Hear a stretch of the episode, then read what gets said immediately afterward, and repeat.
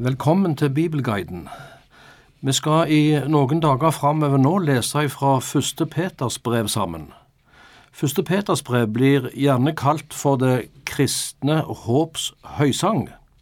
Og brevet det starter med en triumferende lovsang. Det er Peter som ser framover. Han løfter fram håpet. Og håp, det er et nøkkelord i dette brevet. Et håp som har sin grunn i Jesu Kristi oppstandelse. Lidelse er et annet stikkord, og budskapet til den som lider som kristen, er at du er under Guds bevarende hånd. Så skal en kristen tenke på at også Jesus måtte lide. Det gjorde han for vår skyld, som vår frelser. De som Peter skriver til, de levde under vanskelige forhold, og de ble forfulgt for sin tros skyld. Nå skal vi starte med å lese de to første versene, som sier noe om både avsender og mottakere av dette brevet.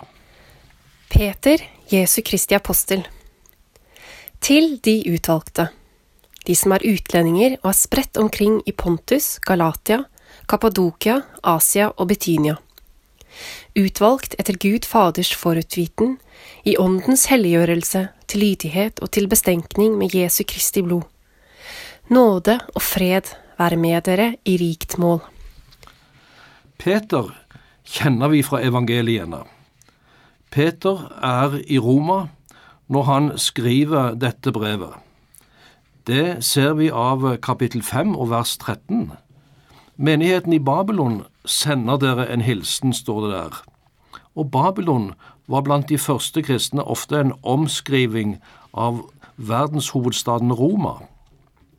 Og det samme kan vi lese i Johannes' åpenbaring, hvor Babylon betegner den ugudelige hovedstaden i endetiden. Åpenbaringen kapittel 17 og vers 5. Og Peter han var i Roma på slutten av sitt liv. Det var her han led martyrdøden. Det brøt ut en grusom forfølgelse mot de kristne i Roma i år 64. Eh, og denne forfølgelsen var iscenesatt av keiser Nero.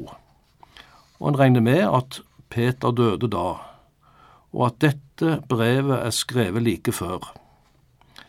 Peter presenterer seg som Jesu Kristi apostel, og som apostel hadde han myndighet. Han var øyenvitne til Jesu liv, til Jesu død og hans oppstandelse. Og Peter hadde fått en fullmakt ifra Jesus selv, og han skriver sitt brev under Åndens inspirasjon. Peter skriver altså med autoritet, og det er Guds ord til hans samtid og til oss. Hvem var det han skrev til? Jo, han skrev til noen kristenflokker som var spredt omkring i noen områder som kaltes for Pontus, Galatia, Kappadokia, Asia og Betynia. Dette er områder i det nordlige og vestlige Tyrkia, oppe ved Svartehavet og vest mot Istanbul. Paulus hadde ikke vært i disse områdene. Ikke Peter heller, så langt vi vet.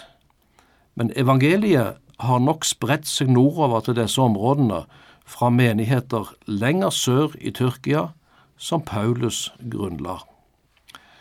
Legg merke til at Peter kaller mottakerne av brevet for utlendinger. Det var sikkert både jødekristne og hedningekristne som hadde flytta til disse områdene nordvest i Tyrkia. De levde i det som en kan kalle for diasporaen. De var utlendinger, men også utlendinger i en annen betydning. Som eh, kristne hadde de fått et nytt heimland. Og alle kristne i den betydning fremmede og utlendinger her i denne verden. Som kristne er vi på vei mot himmelen, som er vårt rette heimland. Videre ser vi her at mottakerne av brevet blir kalt utvalgte. Den som tar imot Jesus, kalles i Bibelen for utvalgt. Det er et hedersnavn. Og i Efeserne 1,4 står det at Gud har utvalgt oss i Kristus. Og dette skjedde etter Gud Faders forutviten. Tenk det før verdens grunnvoll ble lagt. Både Gud Fader, Den hellige ånd og Jesus Kristus nevnes i dette vers to. Alle tre personer i guddommen er i virksomhet når et menneske blir frelst. Gud Fader planla hele frelsesverket. Sønnen gjennomførte det ved å gi sitt liv i døden for oss, og gjennom Den hellige ånd blir frelsen virkeliggjort hos hver og en som tar imot evangeliet. Da blir vi renset i Jesu Kristi blod. Det skjer i Åndens helliggjørelse, står det. Ånden helliggjør oss, skiller oss ut fra verden og gjør oss til et hellig folk for Gud. Og Peters sin korte hilsing til de som mottar dette brevet, og til oss som leser det i dag, er denne nåde og fred være med dere i rikt mål. Så skal vi lese videre ifra vers 3 og til og med vers 12. Lovet være Gud, vår Herre Jesu Kristi Far, som etter sin store miskunn har gjenfødt oss til et levende håp ved Jesu Kristi oppstandelse fra de døde, til en arv som er uforgjengelig og uflekket og uvisnelig, og som er gjemt for dere i himlene. Dere som ved Guds makt blir holdt oppe ved tro, til en frelse som er ferdig til å bli åpenbart i den siste tid. Derfor jubler dere av glede, selv om dere nå en liten stund nødvendigvis har sorg i mange slags prøvelser. Dette skjer for at deres prøvede tro, som er langt mer kostbar enn det forgjengelige gull, som jo lutres ved ild, skal finnes til lov og pris og ære ved Jesu Kristi åpenbarelse. Ham elsker dere, enda dere ikke har kjent ham. Ham tror dere på, enda dere nå ikke ser ham. Og dere fryder dere med en usigelig og herliggjort glede, når dere vinner fram til endemålet for deres tro, sjelenes frelse. Om denne frelsen var det profetene gransket og ransaket, de som profeterte om den nåde som dere skulle få, idet de gransket hvilken eller hva slags tid Kristi ånd, som var i dem, viste fram til når han forut vitnet om Kristi lidelser og herligheten deretter.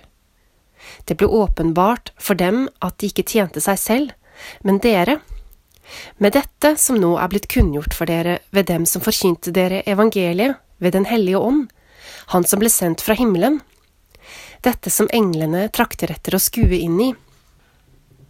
Første Peters brev begynner med en lovsang.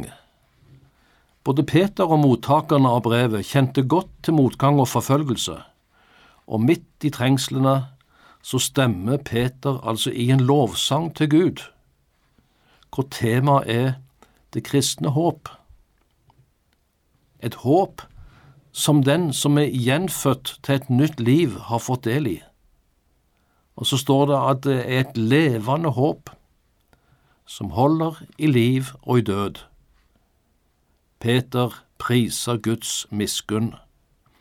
Han priser Han som sendte sin sønn til soning for våre synder. Og så står det at Jesu oppstandelse fra de døde er den sikre garanti for dette håp. Tenk midt i trengsler, motgang og forfølgelse, så har Guds folk til alle tider sunget lovsanger.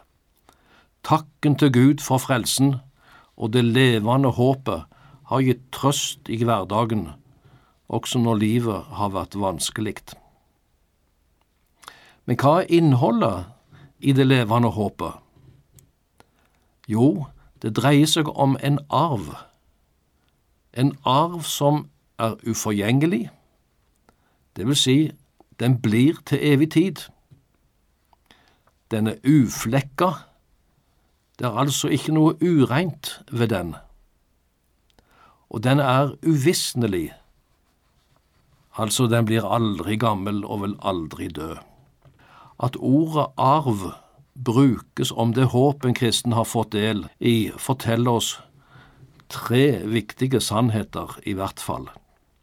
For det første, bare den som er gjenfødt, vil få del i denne arv. Det er en arv man blir født til. Og dernest, denne arven hører framtida til. Vi eier den i tro, vers 5, og en dag skal den bli åpenbart. Og for det tredje, ingen kan fortjene denne arven, den gis ufortjent.